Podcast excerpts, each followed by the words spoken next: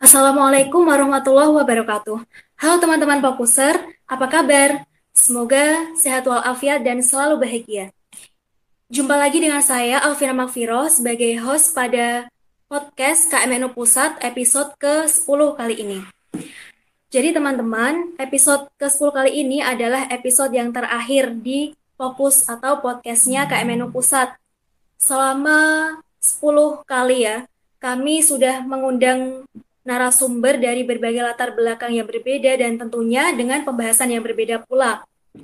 Nah, pada episode ke-10 kali ini kita akan membahas mengenai literasi sebagai pembentuk karakter seseorang. Jadi, sebagaimana yang kita ketahui bahwa kondisi literasi di Indonesia itu masih sangat minim, masih sangat rendah, baik secara kualitas maupun kuantitasnya. Padahal, literasi memberikan banyak dampak positif kepada user atau penggunanya dalam hal pengetahuan, informasi, wawasan, Bahkan karakter pun bisa terbentuk melalui literasi yang kita baca sehari-hari. Nah, ini sudah hadir di hadapan saya narasumber pada episode kali ini. Beliau merupakan seorang penggiat literasi, beliau juga merupakan seorang guide atau tutor di komunitas Banawaskar Akademia. Untuk riwayat pendidikan, beliau pernah mengenyam pendidikan di beberapa pondok pesantren. Salah satunya adalah Pondok Pesantren Fathul Ulum Kuagian Kediri. Beliau juga pernah mendalami kursus bahasa Inggris di Genta Diploma Pare Kediri. Kemudian beliau merupakan lulusan dari Universitas Islam Negeri Sunan Ampel Surabaya, Prodi Ilmu Al-Quran dan Tafsir. Nah, teman-teman, pengalamannya dalam bidang literasi dan tulis-menulis ini sangat banyak sekali. Beliau juga pernah aktif dalam G Magazine Pare, tabloid Nusa Tuban. Untuk uh, prestasinya di beberapa tahun terakhir, beliau adalah juara terbaik satu putra cabang Musabakoh Makalah Al-Quran dalam acara MTQ Jawa Timur ke-28 tahun 2019. Wah, sangat fantastis sekali ya teman-teman. Dan jam terbangnya beliau ini sudah tinggi sekali. Oke, langsung saja kita sapa Mas Adib Amrullah atau yang biasa kita sebut sebagai Kapten Luffy. Halo Kapten Luffy. Halo, Alhamdulillah. Bagaimana kabarnya Kapten? Sehat? Alhamdulillah, sehat selalu. Sebagai awalan, jadi menurut Kapten nih, menurut Kapten definisi literasi itu seperti apa sih Kapten? Ya. Itu literasi itu ada beberapa makna, tapi makna yang paling dasar adalah kemampuan membaca dan menulis. Itu kalau di KBBI. Kalau di uh, kamus Merriam-Webster itu ada tambahan yaitu kemampuan membaca dan menulis serta kemampuan untuk menganalisanya. Di analisa tadi kemudian ditarik dalam konteks sosial.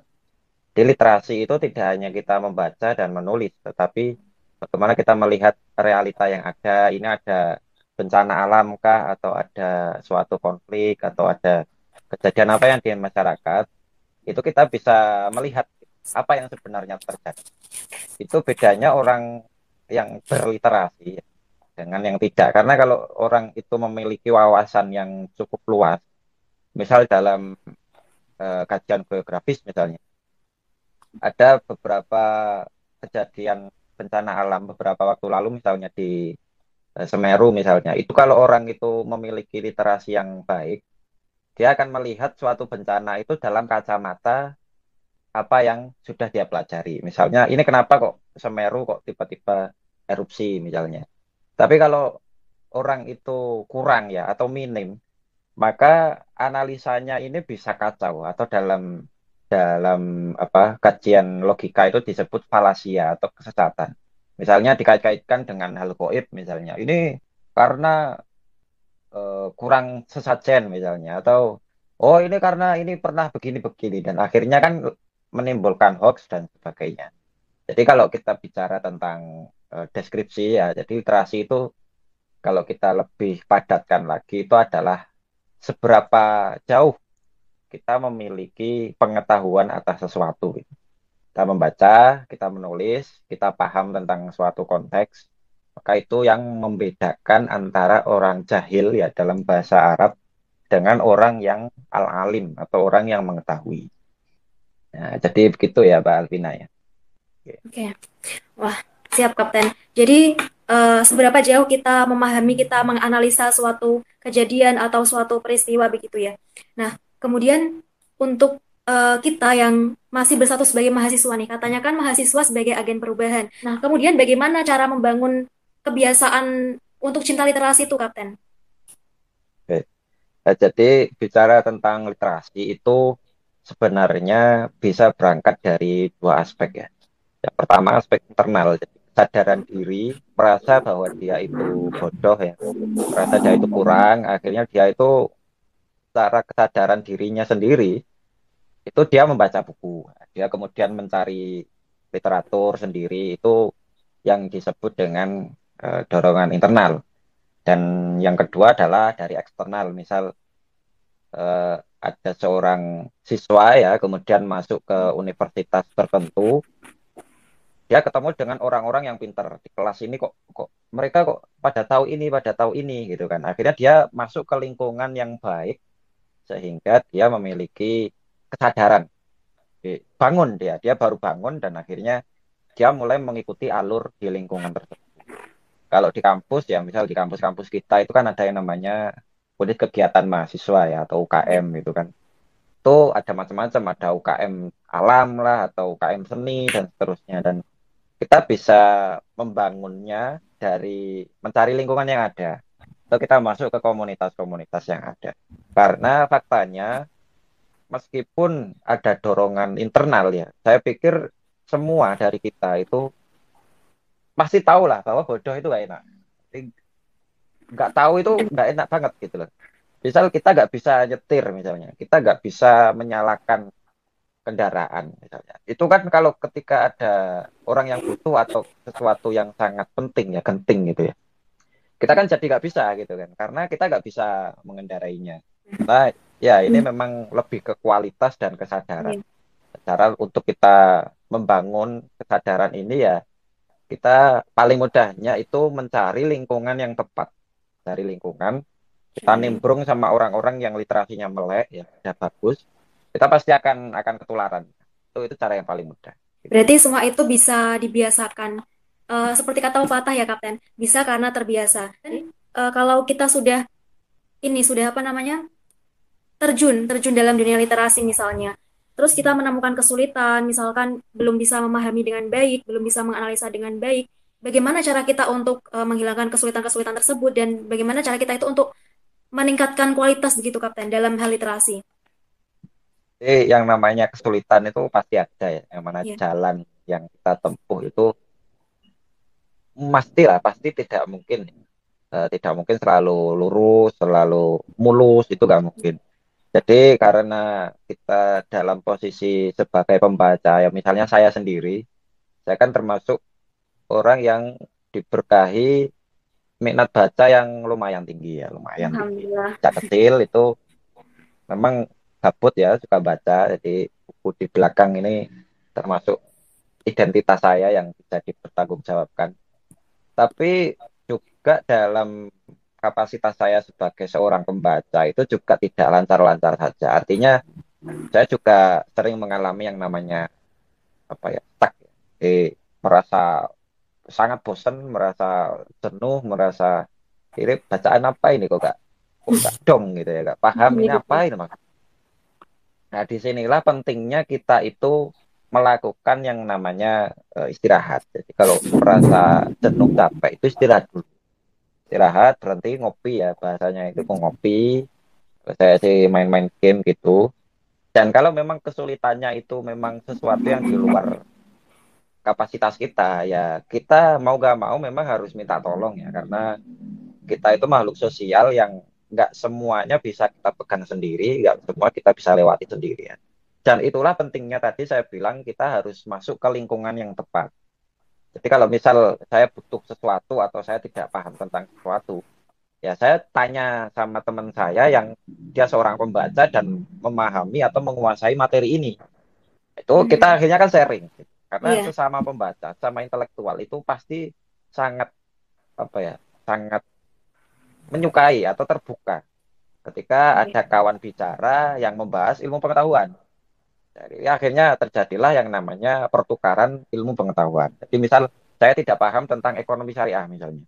Apa ya ekonomi syariah? Saya, saya kok sedikit penasaran. Perbankan syariah itu gimana? Kok kemarin ada bank disatukan menjadi BSI itu kan ya.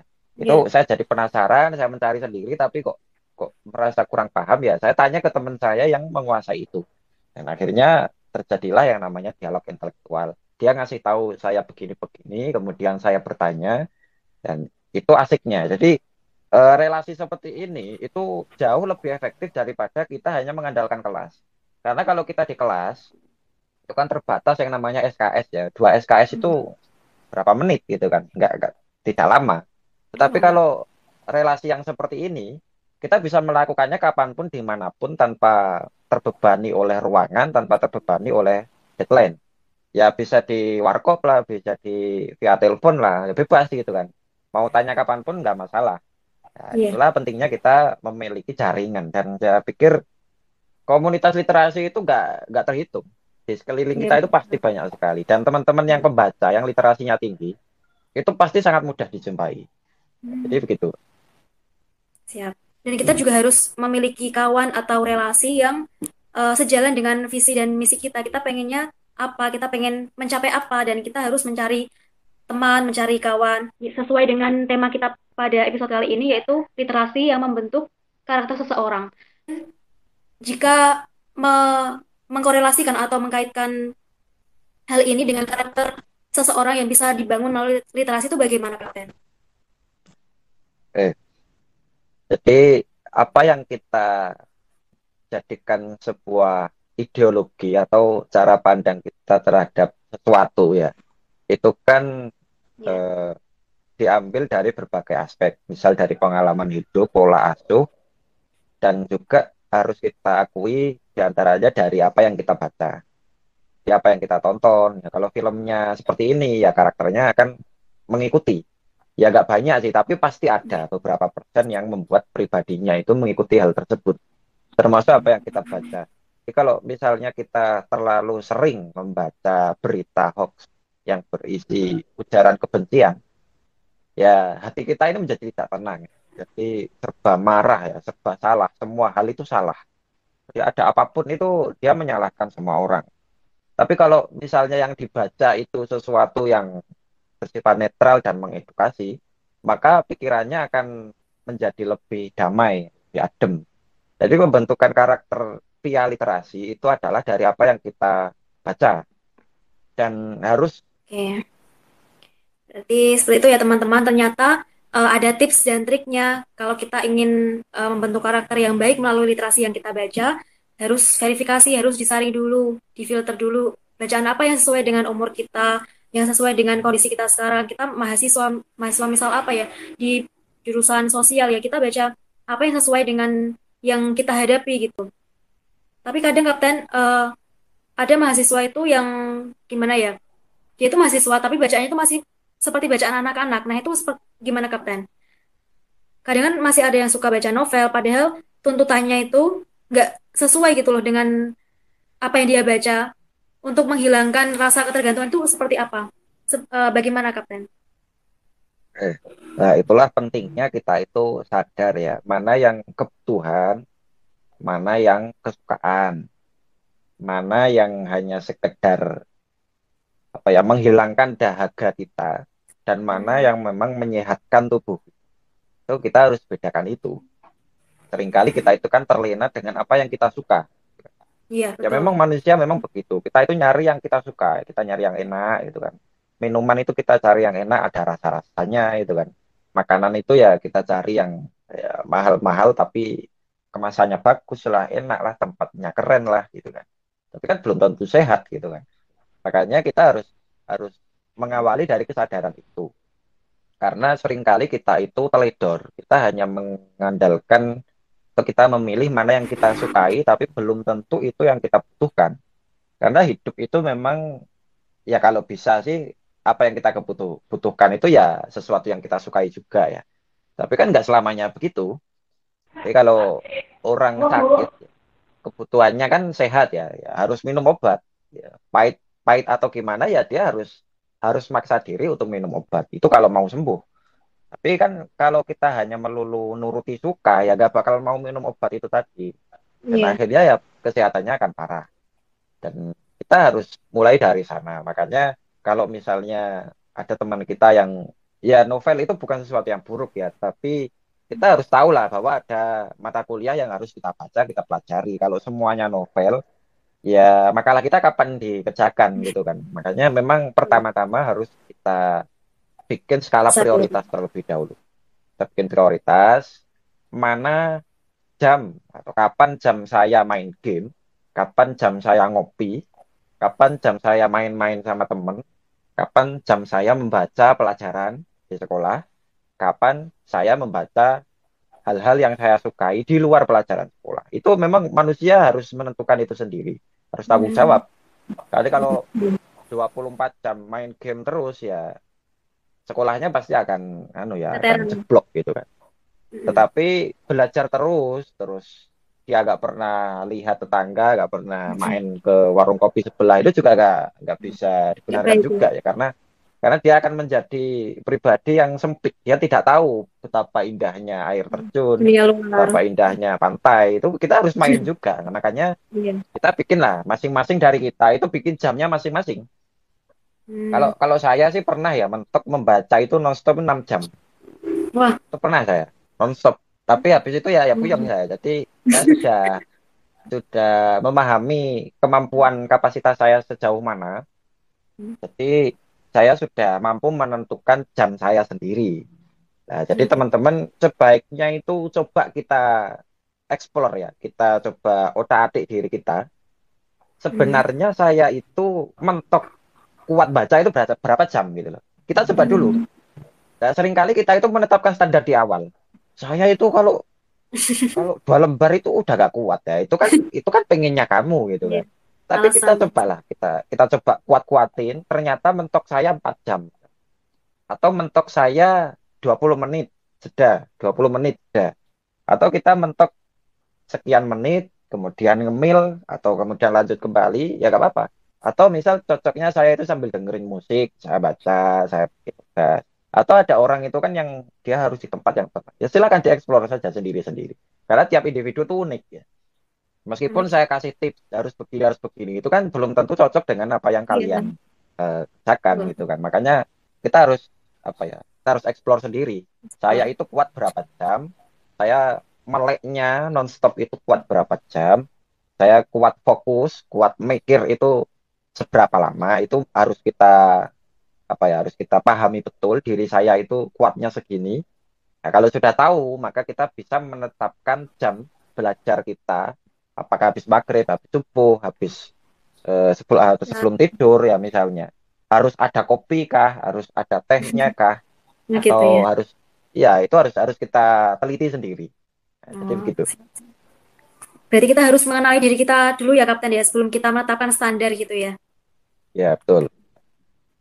Oke, jadi begitu ya teman-teman. Eh, kalau kita ingin menjadi seorang eh, apa ya, bukis sejati, pecinta buku, ya kita kenali diri sendiri dulu.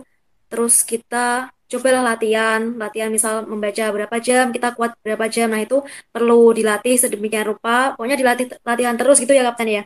Terus eh, membuat jadwal atau skala prioritas kita harus membaca apa dulu.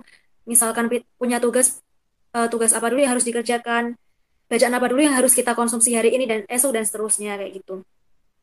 Pokoknya harus explore terlebih dahulu sampai kita menemukan eh, batas maksimal kita itu di titik mana gitu. Nah, kemudian eh, sepertinya sudah semua contohnya tadi juga sudah. Oke. Mungkin Kapten ada apa namanya? Eh, kayak closing statement quotes hari ini untuk teman-teman fokuser supaya lebih bersemangat untuk eh, berliterasi dan bijak dalam berliterasi, Kapten. Oke. Jadi membaca ya, menulis atau dalam ruang lingkup berliterasi itu buahnya itu memang lama. Buah manisnya lama karena kita menanamnya juga lama. Ada pupuknya lah, ada pengairannya. Jadi kalau kita mengutip dari bukunya Malcolm Gladwell ya Outliers, itu kenapa bangsa Asia itu lebih tinggi nilai matematikanya dibandingkan dengan negara barat. Itu karena kita memiliki pola pertanian padi. Padi itu kan ruwet ya, ruwet sekali. Dari Iya, mulai pembibitannya lah, kemudian pengairannya lah, kemudian pupuknya lah, ada pestisida lah. Belum nanti panennya, kemudian pengolahan dari eh, apa itu dari pari menjadi gabah, kemudian menjadi beras sebelum dimasak. Itu rumit sekali. Tapi efeknya otak orang Asia itu lebih bagus daripada otak orang Barat. Karena orang Barat itu kan empat musim ya, empat musim dan mereka menanam gandum ya rata-rata. Gandum itu tidak seberapa rumit. Itu ada bukunya ada di sini, ini bukunya Hmm, ini. Ada kajian ilmiahnya dan apa yang membuat orang itu menjadi sangat suka membaca karena dia sudah tahu buahnya itu rasanya kayak gimana. Ada buah manisnya. Dan hal ini tidak bisa kalian mengerti jika kalian belum membaca dalam jangka waktu yang lama. Jadi ketika misalnya dalam posisi saya sekarang yang sudah membaca cukup banyak buku, itu rasanya membaca itu sudah tidak lagi apa ya kewajiban atau hal yang dipaksakan, tetapi memang sudah jadi kebutuhan saya. Karena rasanya enak enak banget gitu loh. Ketika saya Hmm, ngobrol dengan siapa pun, baik orang awam bahkan sesama profesor gitu ya, profesor-profesor saya nimbrung di situ. Itu saya bisa Iya. mengikuti mereka semua, kita ngobrol ini itu, itu enak banget. Kemudian ketika kita di luar, kita diakui karena ketika kita di luar, kita tidak bisa membawa nasab ya. Ini anaknya siapa, ini rumahnya di mana. Bukan itu, tetapi kadar intelektualitas kita ini yang di Iya, yang akal ya. diperhitungkan gitu loh. Prestasi kita apa, intelektualitasnya sedalam apa. Itu yang kemudian kita rasakan buahnya. Dan alhamdulillah dari membaca itu saya sudah mendapatkan banyak sekali jalan ya. Saya bisa ke mana-mana ya gratis. Dan kalau dihitung secara materi sih banyak ya. Tetapi seberapa mahal sih materi? Seberapa besar sih materi? Ada hal yang lebih besar dari hal yang bersifat material yaitu relasi kita ketemu dengan orang-orang baru kita masuk di lingkungan itu. Jadi membaca itu efeknya tidak dapat kita rasakan hanya Anda khatam satu buku. Tapi Anda harus konsisten Anda harus sabar menulis ya kita memahami pelan-pelan. Kalau nggak paham tanya temennya atau tanya guru atau siapa pun. Harus pelan-pelan memang harus pelan-pelan harus sabar. Itu nanti buahnya bisa jadi Ya, terasanya dua tahun kemudian lima tahun kemudian 10 tahun. Ya siapa peduli? Nggak usah peduli hal itu. Tapi saya jamin rasanya pasti benar-benar luar biasa. Dan itu yang membuat saya bisa apa ya bisa seperti sekarang ini dengan prestasi dan pencapaian yang saya miliki. Padahal saya tidak memiliki bakat yang aneh-aneh ya. IQ saya juga tidak terlalu tinggi. Tetapi apa yang saya lakukan hanya membaca sejak dulu dan akhirnya buahnya baru saya rasakan sekarang dan itu tidak membuat saya berhenti. Justru saya merasa kurang terus. Di buku yang ada di belakang saya itu ini saya masih kurang ini. Ini ini masih belum seberapa. Jadi saya pengen saya harus beli lagi, saya harus membaca lebih banyak karena saya menginginkan buah yang tidak hanya dari satu pohon tapi dari berhektar-hektar kebun yang itu berbagai macam buah dan itu baik ya dalam agama kita kita diperbolehkan tamak dalam hal ibadah dan membaca buku itu ibadah jadi dalam hal ibadah kita harus berfastabiqul khairat dan saya pikir teman-teman di KMNU yang kita sudah memahami bahwa ajarannya Mbah Hasim kemudian dari kiai-kiai kita pasti mendorong banget kita harus menjadi mahasiswa Nahdlatul Ulama yang tidak kalah dengan mahasiswa yang ada di Stanford, ada di Cambridge, ada di Eropa, di Amerika. Kita harus bersaing dengan mereka dan kita membuktikan bahwa mereka ya. anak cucunya Mbah Hashim ini bisa setara dengan mereka bahkan lebih baik. Jadi, itu Mbak Alvina. Jadi sekali lagi saya ingatkan membaca itu tidak bisa instan ya, memang harus pelan-pelan dan Gusti Allah yang membalas karena sebaik-baik balasan itu ya dari Jawa sendiri dan pasti akan rasanya itu luar biasa. Kita itu untuk memulai sesuatu, konsepnya harus sabar, pelan-pelan. Wah, keren sekali ya penjelasannya teman-teman fokuser. Ini sudah lama, lama sekali kita ngobrol sama Kapten Luffy. Uh, podcast terakhir ini, podcast episode ke-10. Semoga apa yang Kapten Luffy sampaikan bisa bermanfaat dan bisa menginspirasi teman-teman semua. Sehingga bisa kami semua, terutama cucu-cucunya Mbah Hashim Asy'ari ini bisa uh, mengupgrade mengupgrade diri menjadi yang lebih baik seperti itu.